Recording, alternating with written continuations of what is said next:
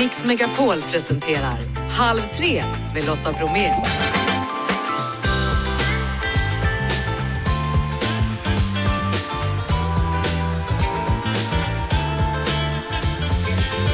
Hallå där och varmt välkommen in i Halv tre-studion i dagens tisdagsmix. Pollensäsongen är på gång. Ja, den är faktiskt redan här. Dagens gäst är två, brottarbröderna Martin och Jimmy Lidberg, OS och VM-medaljer, men också en stökig uppväxt. Tisdag betyder teknik och Martin Appel, idag tipsar han om filmredigering. Vi hör vedhuggaren Tove som tävlar i Timbersport Trump ber följare att slåss för honom när han enligt sig själv ska arresteras idag. Och strax är Maja Francis här med ny musik och så rockar vi sockorna. Snacka om innehåll, nu kör vi! Maja Francis, hallå där! Hej Lotta! Vi såg ju dig senast då i Så mycket bättre där du bland annat tolkade Nordman, Molly Hammar och Lasse Stefans. Och, och, du var ju en färgklick mitt i det här sällskapet, det får man ju säga.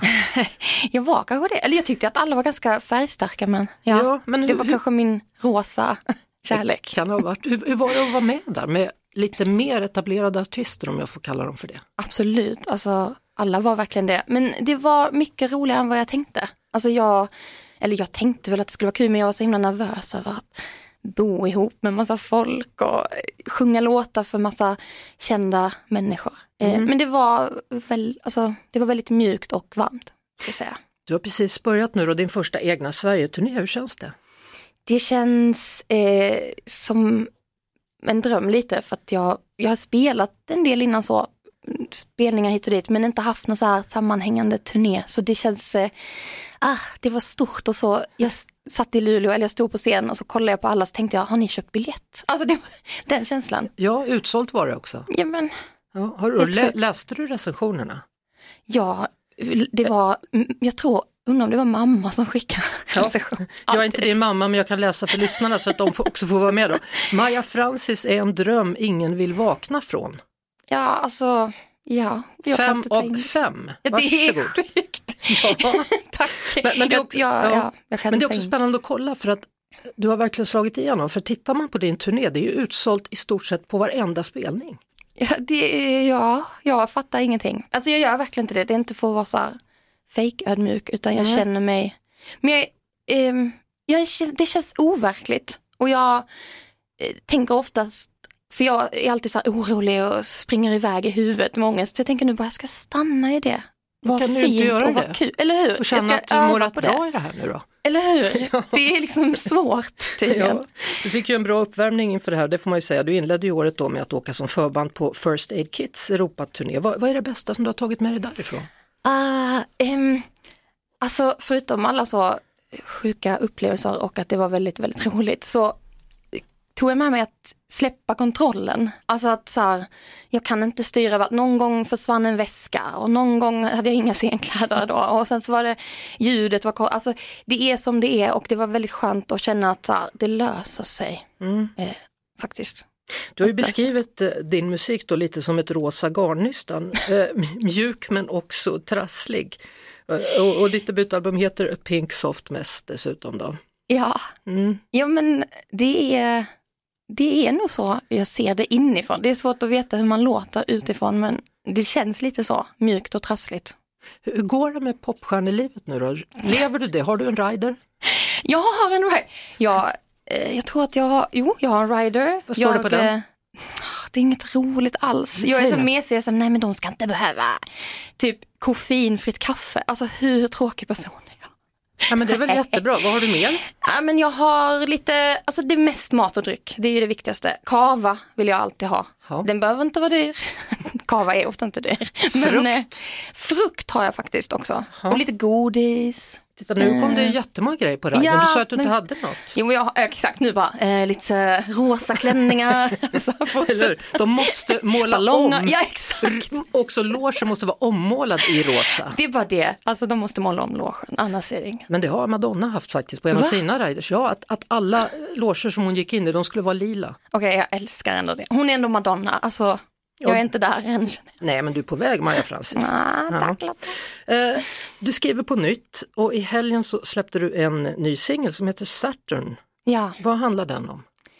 Den handlar om eh, lite det vi pratade om innan, att kunna så här, eh, ja men att kunna andas igen efter så här en lång tid av eh, en jobbig tid. Så Saturn var liksom en låt jag skrev i en så här, det var, kändes lättare i hela kroppen. Vad, vad är det som har tyngt dig då? Vad är det som har varit jobbigt? Men jag är lite upp och ner hela tiden. Och, eh, men då hade jag liksom en period faktiskt där jag var sjuk i depression och eh, utmattning. Och, så att efter de åren, det var väl typ så tre år som var jobbiga, som mest jobbiga. Och sen mm. den känslan av att faktiskt att halsen är lättare, alltså att det är lättare att andas. Och lättare att sjunga också. Då, Exakt, ja. på alla sätt. Så den, Saturn är liksom en hyllning till det på något sätt. Nu fortsätter ju turnén då till Uppsala på torsdag, där är det utsålt och sen blir det då 13 stopp till runt om i landet med avslut i Linköping den 29 april och där är det också utsålt och på flera av de andra ställena också då. Eh, fortsatt stort lycka till då så lyssnar vi på nya Saturn och nästa gång du kommer hit så kör vi ett längre samtal, vad tror du? Gärna, ja. tack snälla. Halv tre med Lotta Bromé på Mix Megapol.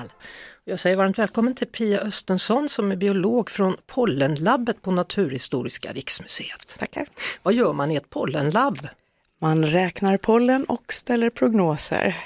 Och då undrar man, den har dragit igång har jag hört, är det ovanligt tidigt eller är allting som det ska vara? Allt är faktiskt som det ska. Det är helt normalt att klibbalen som ligger i startgroparna brukar börja vid den här tiden, slutet av mars. Och, ja ja, sen har vi haft några små varma perioder och då har hassen blommat lite då och då, men den stänger av och eh, håller igen när det blir lite kallt mm. och lite regnigt och snöigt som det har varit nu. Eh, vi pratar ju om hela Sverige nu då, så jag antar att norra delarna är lite senare än vad vi är ja. i Stockholm, medan söder då är tidigare, eller? Så kan man se det, men vi har två sorters alar i Sverige, en nordlig al, gråal och en sydlig al, klibbal. Och Borlänge och Gävle de har faktiskt redan haft höga halter och det har vi inte haft i Stockholm. Sådär ja. De har gråal där. Det är så att klibbalen och gråalen möts där ungefär, så de har faktiskt oftare mer alpollen än vad vi har. Så med andra ord, det kan vara pollen i luften även om det finns snö kvar på marken? Jajamensan. Hur, hur är det möjligt?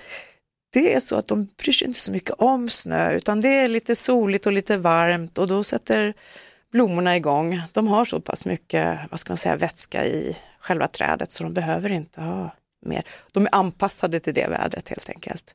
Om man tänker sig att det kommer snö nästa vecka, vilket mm. en del säger, det ska komma mer snö och så ska det bli kallare igen. Avstannar det då eller har det redan satts igång och det spelar ingen roll?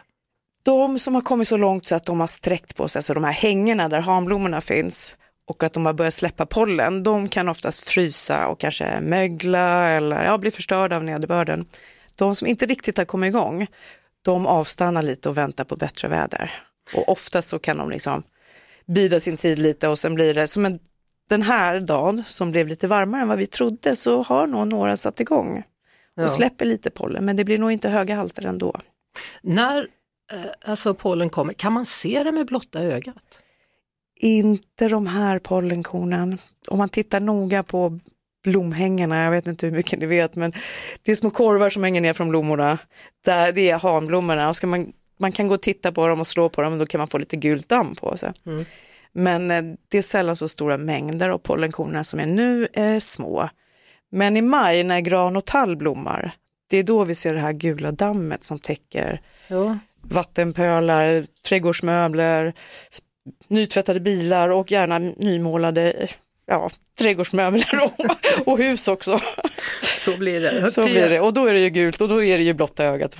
Man kan se dem, de är så stora. Mm. Pia Östensson är det som är gäst i Halv tre just nu, biolog från Pollenlabbet på Naturhistoriska museet. Och vi ska prata mer om eh, hur det är, vad som är pollenallergi eller vanlig förkylning alldeles strax. Halv tre med Lotta Bromé på Mix Megapol. Eh, du sa under låten här att man, man, pollen kommer som en löning. Ja, björkpollen kan komma som en löning. Ja. Den börjar ofta faktiskt blomma runt den 25 april. Så det, det, är ett hett tips att runt där ska man vara vaksam eller vara beredd om inte annat. Nu är du ingen läkare då, men hur har man koll på att det är pollenallergi eller vanlig förkylning? Det kan vara svårt, men de flesta känner av i ögonen, kliiga ögon, jättetorra ögon, man blir väldigt, väldigt trött. Och sen en del som nyser och nyser, men det är sällan de här förkylningssymptomen. Det är inte helt lätt, men förr, det var ju inte så länge sedan som läkarna sa till allergiker att du kan inte vara allergisk för det är snö ute. Det finns inga pollen nu. Men det, finns pollen, Ja. även när det är snö. För både hassel och al kan börja blomma när det är väldigt mycket snö ute. Vilken pollen är den vanligaste som människor reagerar på? Det är nog björk och det beror bland annat på att vi har ju, alltså det är ett väldigt vanligt träd. Ett sånt här björkhänge innehåller fem miljoner pollen. Så, och de sprider sig med vinden, alltså de ska ju hitta en honblomma. Och eh, för att hitta rätt så måste man ha många pollen och då ska det flyga runt här. Och jag kan tänka dig, fem miljoner i ett hänge. I ett hänge ja. Ja, Du förstår om man är ute och tältar och är pollenallergiker och så vaknar man nästa morgon och så har allt bara ramlat ner på tältet, då är man död. Ja, nästan. och, och det är ju ett av de vanligaste träden i Sverige, om inte det Ja. vanligaste. Jag tror granen är vanligare, men av någon, av någon konstig anledning så är inte många allergiska mot gran och tall, som också släpper mycket pollen. Ja, ja. Men om man tältar uppe i norra Sverige, då är man på den säkra sidan har förstått. Fjällen. Ja, det är man. Man kanske ska undvika att vara nere vid trädgränsen runt midsommar, för då blommar ofta fjällbjörken. Men innan dess och efter och håller man sig ovan trädgränsen så, så är man ganska säker. Eh, Visst är det så att vi har fått in en del nya invasiva arter i svenska floran? Ja, på senhösten så är det en art som heter Malusambrosia som eh, blommar och den växten kan bli upp till två meter hög och släpp, släpper också väldigt mycket pollen. Den är släkt med gråbo. Men tack och lov så är den ettårig och den blommar väldigt sent i Sverige för att den gillar inte långa ljusa nätter. Så den kräver ungefär 10 timmar, max 10 timmars ljus för att börja blomma. Mm. Och eh, då mognar fröna väldigt sent så den hinner sällan sätta frö. Och än så länge så har vi klarat oss från den, men den är, har verkligen invaderat eh, Europa. Ja, du får gå ut och ladda dina fällor då. Ja. Pollenfällor för att Pollenfällor. hålla, hålla koll på. Man kan titta på vår eh, sida, hemsida, pollenrapporten.se så kan man också se hur en pollenfälla ser ut. Ja, för det är nog många som undrar hur ser en pollenfälla ut? Man går in där och kollar. Ja, man går in där och kollar. Ja, det kan man och där göra. kan man se prognosen också. Mycket bra. Pia Östensson, alltså biolog från Pollenlabbet på Naturhistoriska riksmuseet. Stort tack! Tack själv. Halv tre med Lotta Bromé på Mix Megapol. Nu hälsar jag välkomna då till Halv tre, Martin och Jimmy Lidberg. Ja, tackar, tackar. Och så står jag här och livrädd för nu har ni redan gått ut och sagt att ni ska utmana mig i någon slags brottning. Ja, du ser rädd ut här nu Ja. Lotta. Ja, men jag trä... Du vet ju att jag, jag och Lotta tränade tillsammans, det är några år sedan nu. Ja, just och eh, just den delen av kroppen där Lotta var som starkast, det var ju just bålen, bålstyrkan, var otroligt stark där. Jäklar. och jag vet ju, du är också känd för din bålstyrka, men därför tänkte jag att det skulle vara jäkligt häftigt att utmana vem som är stormästaren i just bålstyrka här i Sverige. Oj, oj, oj. Ja, det här låter som en farlig utmaning för mig också, men ja, jag är taggad i alla fall. Hela ditt varumärke står på spel nu. Och först så ska jag utmana er i en intervju. ja, Ja, känner ni Det er beredda? Hur, hur mår ni nu för tiden hörni, båda två? Ja, eh, vi mår bra. Det har hänt eh, mycket eh, sista tiden. Vi skrev ju våran bok eh, Brottabröder, en fight för livet. Eh, och efter det så har vi jobbat vidare och håller på att försöka göra film då. Så att eh, det har hänt en hel del, men eh, ja, vi mår bra förutom att eh, Martin är lite skadad just nu. Ja. Du såg ju det Lotta. Ja, han han- kommer in med kryckor. Vad är det frågan om? Nej, det är en liten brottarskada. Så jag be- har, behöver två, tre veckor med, med kryckor, sen är jag fit for fight igen. Men- Men just brottarskador, hur, hur många skador har man dragit på sig när man är elitidrottsman? För det är många som, som säger det, efter karriären så börjar man märka liksom att man har tränat stenhårt. Men jag har sett lite statistik på det. Jämför man just brottning som, och med kanske hockey och fotboll och sådär så är det väldigt lite skador i brottning för att man är så akrobatisk, man, eh, man eh, utför ju brottningen på en matta som är mjuk och så vidare. Men det är klart att det är enorma krafter så skador händer ju, muskelbristningar, benbrott. Eh, så att man har haft lite skador. Och sen som du var inne lite på där Lotta, att efter karriären eh, när man kanske tappar lite styrka, musklerna förtvinar, man tränar inte lika hårt, då känner man ju av de här förslitningarna man har fått i, eh, i leder och sådär. Så att vi har klarat oss ganska bra, men eh, nackar och ryggar och sådär kan man ju känna ibland. Men man, våra muskler kommer aldrig förtvina. Nej, bröderna Lidberg har en enorm muskelmassa.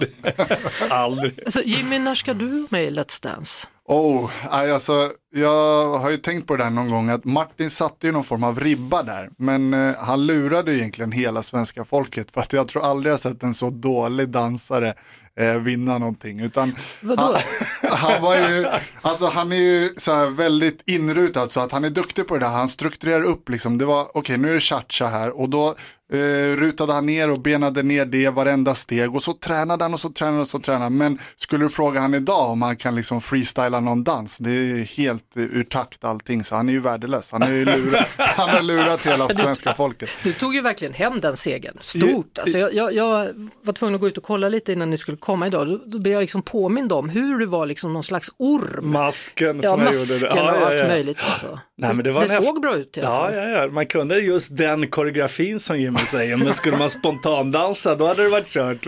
Ja, jag utmanar er. Det blir spontandans nu. Eh, Låten är Could You Be Loved Bob Marley. Eh, ni skrev den här boken, det är ju några år sedan nu. Och samtidigt så kommer pandemin och bara slår allt i tu. Så att fler kanske borde eh, påminnas om, vad var det för bok? Vad är det för bok? Vad handlar den om? Ja, Jimmy, skulle du börja? Um, ja, men det handlar väl egentligen om, eller den handlar ju om våran resa från att vi är små fram till att vi någonstans kulminerar med Martins VM-guld och eh, min eh, OS-medalj. Eh, då. Men egentligen så är det ju en bok eh, som handlar mycket mer om det som skedde vid sidan om brottarmattan. Eh, med våran pappa då som eh, drev många av de illegala spelklubbarna här i Stockholm på 80-talet och början på 90-talet och hur han själv eskalerades in i ett spelmissbruk som drabbade hela familjen och just det här med spelmissbruk är ju någonting som vi verkligen brinner för att lyfta.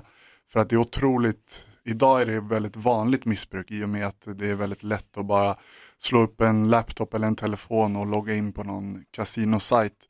Eh, på den här tiden då behövde man ju besöka någon illegal klubb då. Men pappa hamnade djupt in i det här och det drabbade familjen på väldigt många olika sätt. Eh, och gick även över i andra missbruk, i alkohol och så vidare. Och under tiden då som våra karriärer löpte så Ja, så var det alltifrån liksom, eh, skulder som skulle drivas in av olika kriminella till eh, Kronofogden som eh, skulle göra utmätningar och samtidigt så skulle vi då kunna fokusera på brottningen så att det blir en stark berättelse och ja, det är väl det boken. Och samtidigt så har ni en mamma som står mitt i allt det här också och försöker ordna till det. Ja, verkligen. Och vi har mycket att tacka vår, vår mamma som eh, var, ja, som var ryggraden i, i familjen som kämpade i alla år. Och folk undrade hur, hur orkar man och hur orkar man kämpa vidare för att familjen ska klara och överleva på olika sätt. Då. Ja, eh, och så brottningen då?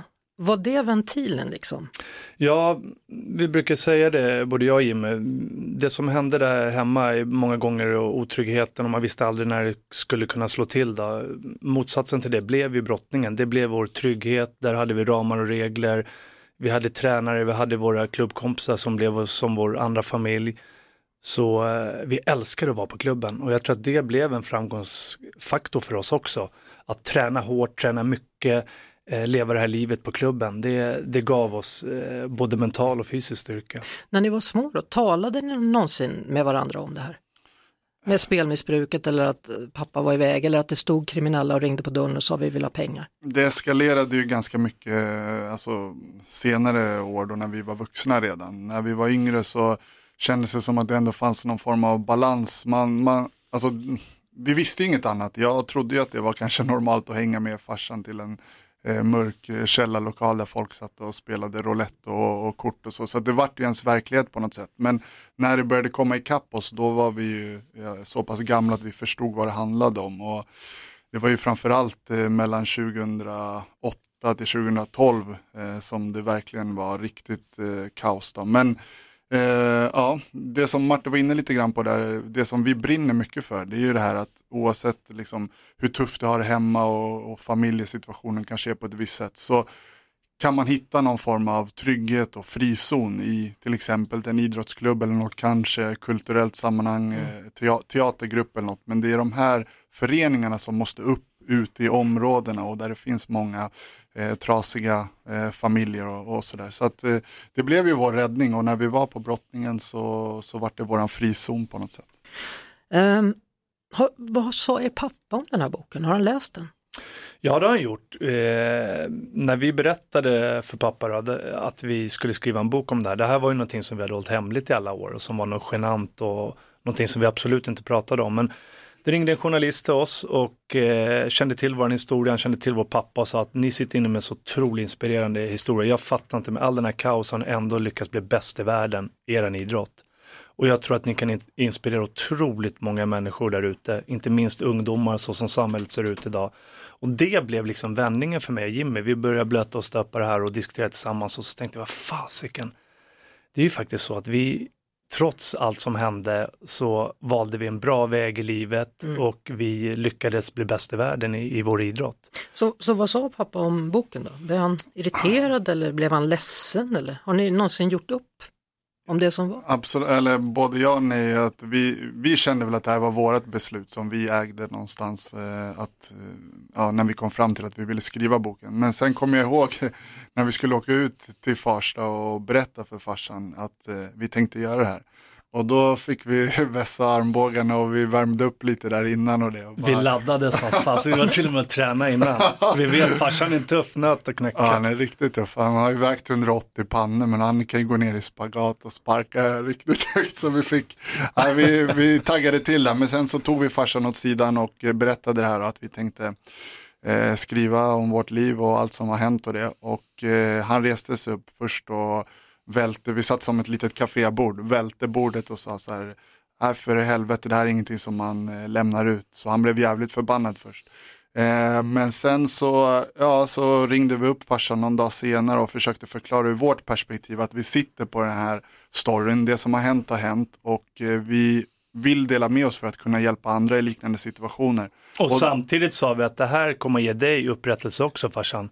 Eh, allt som du har gjort, man gör otroligt sjuka saker när man har ett missbruk, folk som man har svikit så otroligt mycket, mm. att folk kommer få en mycket större förståelse. Och det förstod han inte då, men där har vi ju märkt att det var precis så som, mm. som vi trodde, att mm. folk har en mycket, mycket större förståelse. Men när det fick landa lite i alla fall, sen så, så var han ju med och sa att, liksom, att ja, men jag, kan, jag kan se det nu lite ur andra perspektivet, att ni vill dela med er och sådär. Så att han mjuknade upp och eh, det blev ju jäkligt bra till slut. Vi har ju närmat oss både varandra, jag och Martin, genom den här processen att skriva boken, men också faktiskt med farsan. Mm. mm. Och er mamma antar jag också fick någon form av upprättelse eller alla förstod hur stark hon har varit genom det här. Verkligen, alltså mamma har ju varit eh, som sagt, utan henne så hade ju allt verkligen fallerat. Hon har ju varit den där som har hållit ihop allting och jag tror att det var skönt för henne att att boken skrevs för att många som känner oss eller känner till oss fick läsa den och då behövde inte hon berätta så mycket utan då kunde folk mer, mm, vi förstår, vi förstår hur du har mm. haft det alla dessa år. Mm. Filmen som kanske blir verklighet då så småningom kommer att ha en pappa då som spelas av Per Morberg. Ja, precis. Det är i alla fall klart, den ja, saken. Ja, verkligen. Eh, en sista fråga bara då, om, om man har haft den uppväxten som ni har haft, är det tydligare då vilket val man har i livet. Att det finns en dålig väg att gå och en bra väg att gå om jag får uttrycka mig så. Vi brukar ju säga att vi har missbrukargenen i oss. Vi har ju ja, i generationer och många i vår släkt som har tyvärr dött i allt från eh, ja, olika typer av droger och missbruk. Då. Men eh, man har ett eget val i livet. Man kan inte alltid skylla på sin historia eller sin bakgrund utan man kan alltid välja en bra väg i livet som jag och Jimmy gjorde. Och är det eh. någonting vi har märkt nu, inte minst när vi, sen vi började spela in vår podcast Brottarbröder, så är det ju att många av de gästerna som vi inspireras av och bjuder dit, då ser man att det finns en igenkänningsfaktor här. Det är ofta någonting, något mörkt på andra sidan som har, let, eller som har lett fram till någon form av drivkraft. Och det är någonting som jag verkligen reagerar på, att många framgångsrika personer inom situationstecken eller folk som lyckas med sina mål har lite den här gemensamma nämnaren att man ligger nog nära missbrukargenen är där någonstans, det har hänt någonting mörkt och jag ska inte säga att det är så i 100% av fallen men det verkar vara en återkommande grej, det har jag märkt när vi spelar in podden. Verkligen. Mm. Och vi har också fått fråga många gånger, tror ni att ni hade blivit så pass bra som ni blev, bäst i världen i brottning, om ni inte hade haft den här bakgrunden? Eh, och det är en bra fråga. Det är någonting som jag själv har gått och funderat på väldigt mycket. Mm. Världens starkaste bröder. vem som helst kan försöka utmana bröderna Lidberg. Men... Ja, och nu är det tydligen så att eh, jag ska då brottas med dig. Exakt Lotta, nu är det dags för dig att få testa på bröderna Lidberg. Ja, så det blir Mix Megapols eh, Instagram då, där kan ni gå ut och så kan ni se det på Instagram stories. Stort tack för att ni kom hit och nu har vi klarat av den här delen, nu är det bara brottningen som återstår. Slappna av nu Lotta, jag ser att du är nervös. Martin och Jimmy Lidberg, brottarbröder, alltså dagens gäster. Halv tre med Lotta Bromé på Mix Megapol. Jag kollade mina socker precis här bara för att kolla så att jag har gjort rätt och det har jag. Jag har en blå strumpa med vitt på och sen så har jag en blå strumpa med orange på. Det betyder att jag rockar sockorna. Och det här började ju då för att uppmärksamma världsdagen för Down syndrome och nu slår det ett slag för allas lika värde. Och en av dem som rockar sina sockor denna dag är idrottsläraren Robban Tengvall i Svedala. Välkommen till All 3! Tjena, tjena! Ja, vad har du för färg på dina strumpor idag? Jag har en eh, strumpa med korv och pizza på och på den andra strumpan så har jag en eh, gul strumpa med citroner på. Jaha, det är mat för hela slanten på båda Ja. fötterna. Ja, det blev så idag. Eh, rockar ni sockorna på skolan där du jobbar eller hur gör ni? Vi rockar mycket socker på skolan där jag jobbar. Absolut gör vi det. Och mycket där hemma också. Så det är mycket udda strumpor idag. Ja, varför är det viktigt att rocka sockorna?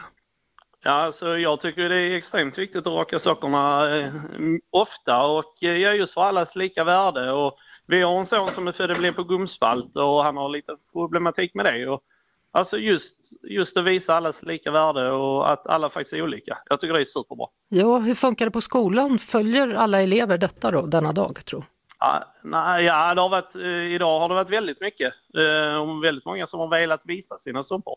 Så det är rätt coolt faktiskt. Ja, och vad säger ditt barn då? Rockar hen Ah. också sockorna eller?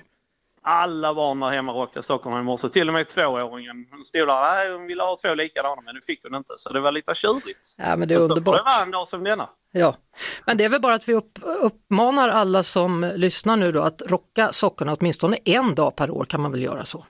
Ja, och det är väldigt lätt. Och det är väldigt lätt att göra det fler än en dag. Men absolut.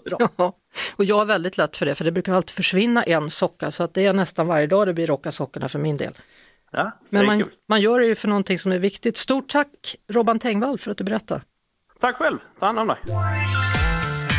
Halv tre med Lotta Bromé på Mix Megapol. Och är det nu det vänder? Förra veckan kom en arresteringsorder på Putin och i lördags en på Trump som då ska arresteras under dagen, åtminstone om man får tro hans egna Twitter. Han tweetade nämligen i lördags att nu kommer de och tar mig. Eh, med oss nu USA-kännaren Andreas Utterström, vad är det för tweet? Ja, det är en tweet för att väcka uppmärksamhet och trodde jag till en början ta fokus från kanske konkurrenten Ron DeSantis som skulle göra någonting idag. Men så verkar det inte vara. Utan jag tror att det handlar om att Donald Trump vill skicka ut eh, signaler till sina väljare och fans att nu är PK-eliten ute efter mig igen. Standby. Och i New York så har man då satt upp kravallstaket och man befarar oroligheter då efter denna tweet. För han uppmanar sina följare att stå upp och kämpa och befria landet än en gång. Ja, det, det finns ju tydliga paralleller till stormningen av Kapitolium där ju Trump aldrig sa uttryckligen att nu ska ni eh, storma vår motsvarighet till riksdagsbyggnaden. Men eftersom det finns så stor splittring i USA och många som på goda grunder känner sig arga och bortglömda, då kan ju den typen av eh, uttalanden bli den tändande gnistan och det har Donald Trump visat många gånger att han inte bryr sig så mycket om utan han tänker eh, väldigt kortsiktigt och framförallt på sig själv. Mm. Och vad det handlar om då det är eh, kampanjpengar som har då utbetalats till en porrstjärna som heter Stormy Daniels för att hon i valrörelsen då skulle hålla tyst om deras påstådda eh, relation. Eh, hur kan han använda sig av, av det här läget? Trump är ju expert på att vara en underdog och det är väldigt svårt för en, en före detta president att utmåla sig själv till underdog. Men då tror jag att den här, det eventuella åtalet och den här utredningen och alla andra utredningar som pågår också är perfekt för honom. Därför att det visar att han är en fighter. Och var det någonting som eh, var lyckosamt när han vann eh, senast så var det ju att att en stor del av amerikanska befolkningen vill ha en populist som är en fighter och som framförallt inte en politiker som alla andra utan kanske snarare en, en underhållare och en företagsledare. Hur orolig ska man vara nu då för att det faktiskt utbryter våldsamheter? Ja, men jag är ganska orolig faktiskt och det beror, det beror ju som sagt på att det finns många människor som är eh, arga och, och, känner sig bortglömda och nu är det dessutom oroliga, skakiga tider när, när många människor i USA är pressade så det kan bli stökigt. Eh, å andra sidan ska man ha i bakhuvudet att är det en sak som jag har lärt mig om amerikansk juridik är att allting brukar ta sju gånger så lång tid eh, som man har tänkt från början. Så att det här kan nog dra, dra ut på tiden. Eh, men det är klart att om Donald Trump fortsätter med passivt aggressiv retorik så finns alltid risken att eh, någon galning eh, får den, liksom någon slags uppmaning som hen har väntat på och då tar chansen att, att använda Trumps ord som ursäkt för att göra någonting riktigt obehagligt. Jag brukar alltid ställa frågan till dig, kommer Trump än en gång att bli president i USA? Och eh, jag vet inte vad jag brukar svara till dig Lotta, men den här gången säger jag ja därför att jag tror att han lätt kommer slå den överhåsade konkurrenten Ron DeSantis och bli eh, Republikanernas eh, kandidat och Joe Biden är en person som verkligen har sina bästa dagar bakom sig. Så är man Trump-anhängare tror jag man kan se positivt på framtiden trots eh, det här vi pratar om just nu. Mm. Och förmodligen kommer allting att avgöras då hur det går nu med den här eh, rättsgrejerna då alltsammans. Stort tack för nu USA-kännaren Andreas Utterström. Tekniktipset. Då är vi tillbaka med mer tisdagsteknik med PC för allas konsumentredaktör Martin Appel. I förra veckan då pratade vi om hur man filmar som ett proffs och nu ska vi gå vidare och gå igenom det här med att man faktiskt själv kan redigera och göra en liten film. Det är kul! Det är verkligen kul och det är inte så speciellt krångligt längre och som vi pratade om förra veckan, det är lite magi, det kan bli väldigt, väldigt bra. Jag vet när det här dök upp hemma hos oss då. Min dotter var ju fantastisk på det här redan som 11-12-åring, gjorde små filmer i telefonen, man ligger i lä ibland. Verkligen så, det är ju kidsen som är de verkliga experterna på det här så att de kommer säkert fnissa om de hör oss sitta och prata om det här. Vi börjar i alla fall med det här med att trimma filmen då. Det är inte alltid kul att se jättelånga filmer. Nej, och det är ju ett jättevanligt problem att man filmar alldeles för mycket och sen ska man tvinga folk att titta på det och det blir jättetråkigt. Är det så att du inte är expert på att ta den här filmen som är helt perfekt från början, ta in den i appen i mobiltelefonen och trimma, alltså använd de här små markörerna som när man går in i redigeringsläget visas först och sist. Så kan du klippa i början och i slutet. Och de här apparna, de är numera som regel inbyggda i mobilen. Har du en iPhone så finns det en app som heter iMovie som finns från början. Och har du en Android, alltså till exempel en Samsung eller Sony-telefon, då heter den motsvarande app Google Foto. Och även om den heter foto så har den faktiskt verktyg även för att redigera film. Men just den där funktionen av att trimma den här filmen, den brukar ju dyka upp ifall man vill skicka ett filmklipp till någon, för man kan ju inte skicka hur stora filer som helst. Och det är samma sak om du ska publicera den här filmen på Youtube till exempel. Då finns ett inbyggt verktyg där. Så att där kan man välja lite var man vill, men det viktiga är just att se till att det blir en kul kortfilm. Och sen kan man ju då lägga på både musik och text. I de här apparna, även de här enklaste gratisapparna som iMovie och Google Foto är, så finns det mycket ganska avancerade verktyg. Det har varit lite för dålig belysning när du filmade så kan du justera ljuset.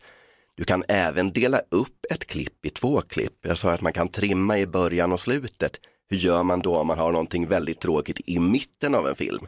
Ja, då använder man en liten ikon som ser ut som en sax och så delar man på klippet och då får man ju så att säga en ny början och ett nytt slut som man kan använda. Sen kan man då, om man vill vara lite mer avancerad, då kan man använda sig av sin dator. Mobiltelefonens app, de är jättebra och jättekraftfulla men om man som jag tycker att skärmen på mobiltelefonen är ganska liten och det blir liksom lite pilligt att använda fingrarna, då kan man kopiera över den här filmen man har tagit och använda sin dator. Och även där finns det bra gratisverktyg. Om man har en Mac-dator, då finns iMovie-programmet inbyggt. Och har man en Windows-dator, då finns det ett bra gratisprogram som heter DaVinci som man kan ladda ner. Och sen kan man också köpa till då till exempel Photoshop Elements. Om man vill betala runt en tusenlapp så finns ett väldigt populärt program som heter Photoshop Element som är enkelt att använda men också väldigt, väldigt mycket mer kraftfullt än det man har i mobiltelefonen direkt. Mm. Och fördelen då med att använda en dator är att man kan göra många fler grejer. Och det är väldigt mycket enklare att hantera tycker många. Du får en stor skärm, du kan använda tangentbordet, du kan använda musen. Så riktiga proffs som redigerar, de sitter ju inte med sin mobiltelefon. Ibland filmar de faktiskt med mobiltelefonen, men man redigerar ju alltid på datorn. Kul, då vet vi hur man gör en liten film. Dags att gå ut och filma. Ja, tack så mycket Martin Appel, konsumentredaktör på PC för alla. Halv tre med Lotta Bromé på Mix Megapol. Tove Njåstad från Orsa är en av tre tjejer i landet som satsar på timber sport. Hallå Tove! Ja, hej! Tjena. Hej du. Hur översätter man timber sport till svenska tycker du? Uh, jag brukar säga timmersport, det låter lite bättre än timmesport, är väl rimligt. Men, men, pratar ja. man slarvigt så är det ingen större skillnad. Nej, Nej. Vi säger, det kommer ju från USA så vi kör på engelska. Då kör vi på engelska. Du, när började du hugga ved? Eh, ja, hugga ved inte så länge, men jag började väl med timbersport för två, två, tre, två, tre år sedan. Ja, om du kort beskriver timbersport, vad är det för någonting? Ja, men det är en sport. Vi tävlar med att eh, i liksom olika grenar med yxa och sågar och eh, kommer igenom träbitar på olika, så snabbt som möjligt på tid. Ja, och vilken gren är din favorit? Eh, ja, men jag gillar yxa, så underhand tycker jag är bäst. Heter det underhand? Ja, precis. Det här med engelska, vi kör gärna på det. Ja, eh. men vad betyder det? Hugger du nedifrån då på trädet alltså? Nej, men eh, trädet är under, under mig så jag står på Åh oh, herregud. Och sen faller det alltså? Nej, och så ska jag få av det på mitten. Ja, och var hamnar du då om du står ovanpå menar du, om det faller? Nej, det faller inte utan vi står på en ställning så den går bara av. vilken tur. Jag trodde så att du skulle man lite på foten. Nej. Och så. Nej, jag vet att jag har haft sådana här trädröjare på tomter på landet. De har ju liksom klättrat upp och sen börjat Ja. hugga. Så. Ja, just det. Nej, nej, nej. Vi, vi, Nej. Det är redan nere, det är liksom uppkapat och det är ja, bara hugga. Hur går det med halsen där? Har du fått sågspån? Ja, men det var något sånt där. Ja, det kan vara pollen också. Det är ju aktuellt nu. Vill, behöver du hämta lite vatten så kan jag prata under tiden. Mm. Det kan vara bra Så. kanske. Nej, men nu tror jag att det är, Ja. det är då. Okej. Eh, Sorry. Ferry Svan har ju gjort det där lite, eh, lite liksom planterat i vårt medvetande. Han var ju med i, i Sverige har talang Ja, men precis. sedan. Ja, Han är ju en eh, vad heter det, tävlingskompis och sådär. ja. Vi- Vilket mål har du då? Men jag vill bli bra, kanske bäst. Man får väl sikta högt om man ändå ska hålla på. Ja, och Eh, var får du allt trä ifrån då? ja, skogen, jag säga. vi har ju en del skogar i Sverige. Ja, Ehm, nej men ja, vi försöker få tag i, vi vill ju gärna ha asp att träna i så vi försöker leta lite överallt och Mhm. hitta. men du bor i Orsa, han bor väl inte så långt därifrån? Nej, jag har flyttat till Orsa, ja. Ehm, han bor ju, ja det är en bit bort. Men vi, här i Orsa har vi en träningsanläggning. Ja, ja. Ehm, så. Jag bara tänker, Men- det finns mycket träd där så att det räcker till båda. Ja, men jag tror vi, vi kan dela Mm. på det här.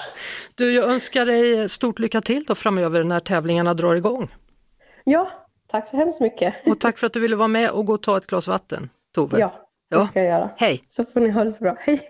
Filip, Lotta, Janne och Jeanette tackar för idag. Jeff Neumann är som vanligt producent och imorgon så dyker Rickard Sjöberg upp. Såg ni när han dansar tango? Det ska han lära mig i morgondagens Halv tre. Ett poddtips från Podplay. I podden Något Kaiko garanterar östgötarna Brutti och jag, Davva, dig en stor dos skratt. Där följer jag pladask för köttätandet igen. Man är lite som en jävla vampyr. Man har fått lite blodsmak och då måste man ha mer. Udda spaningar, fängslande anekdoter och en och annan arg rant. Jag måste ha mitt kaffe på morgonen för annars är jag ingen trevlig människa. Då är du ingen trevlig människa, punkt. Något Kaiko, hör du på Podplay. Därför är gardinerna.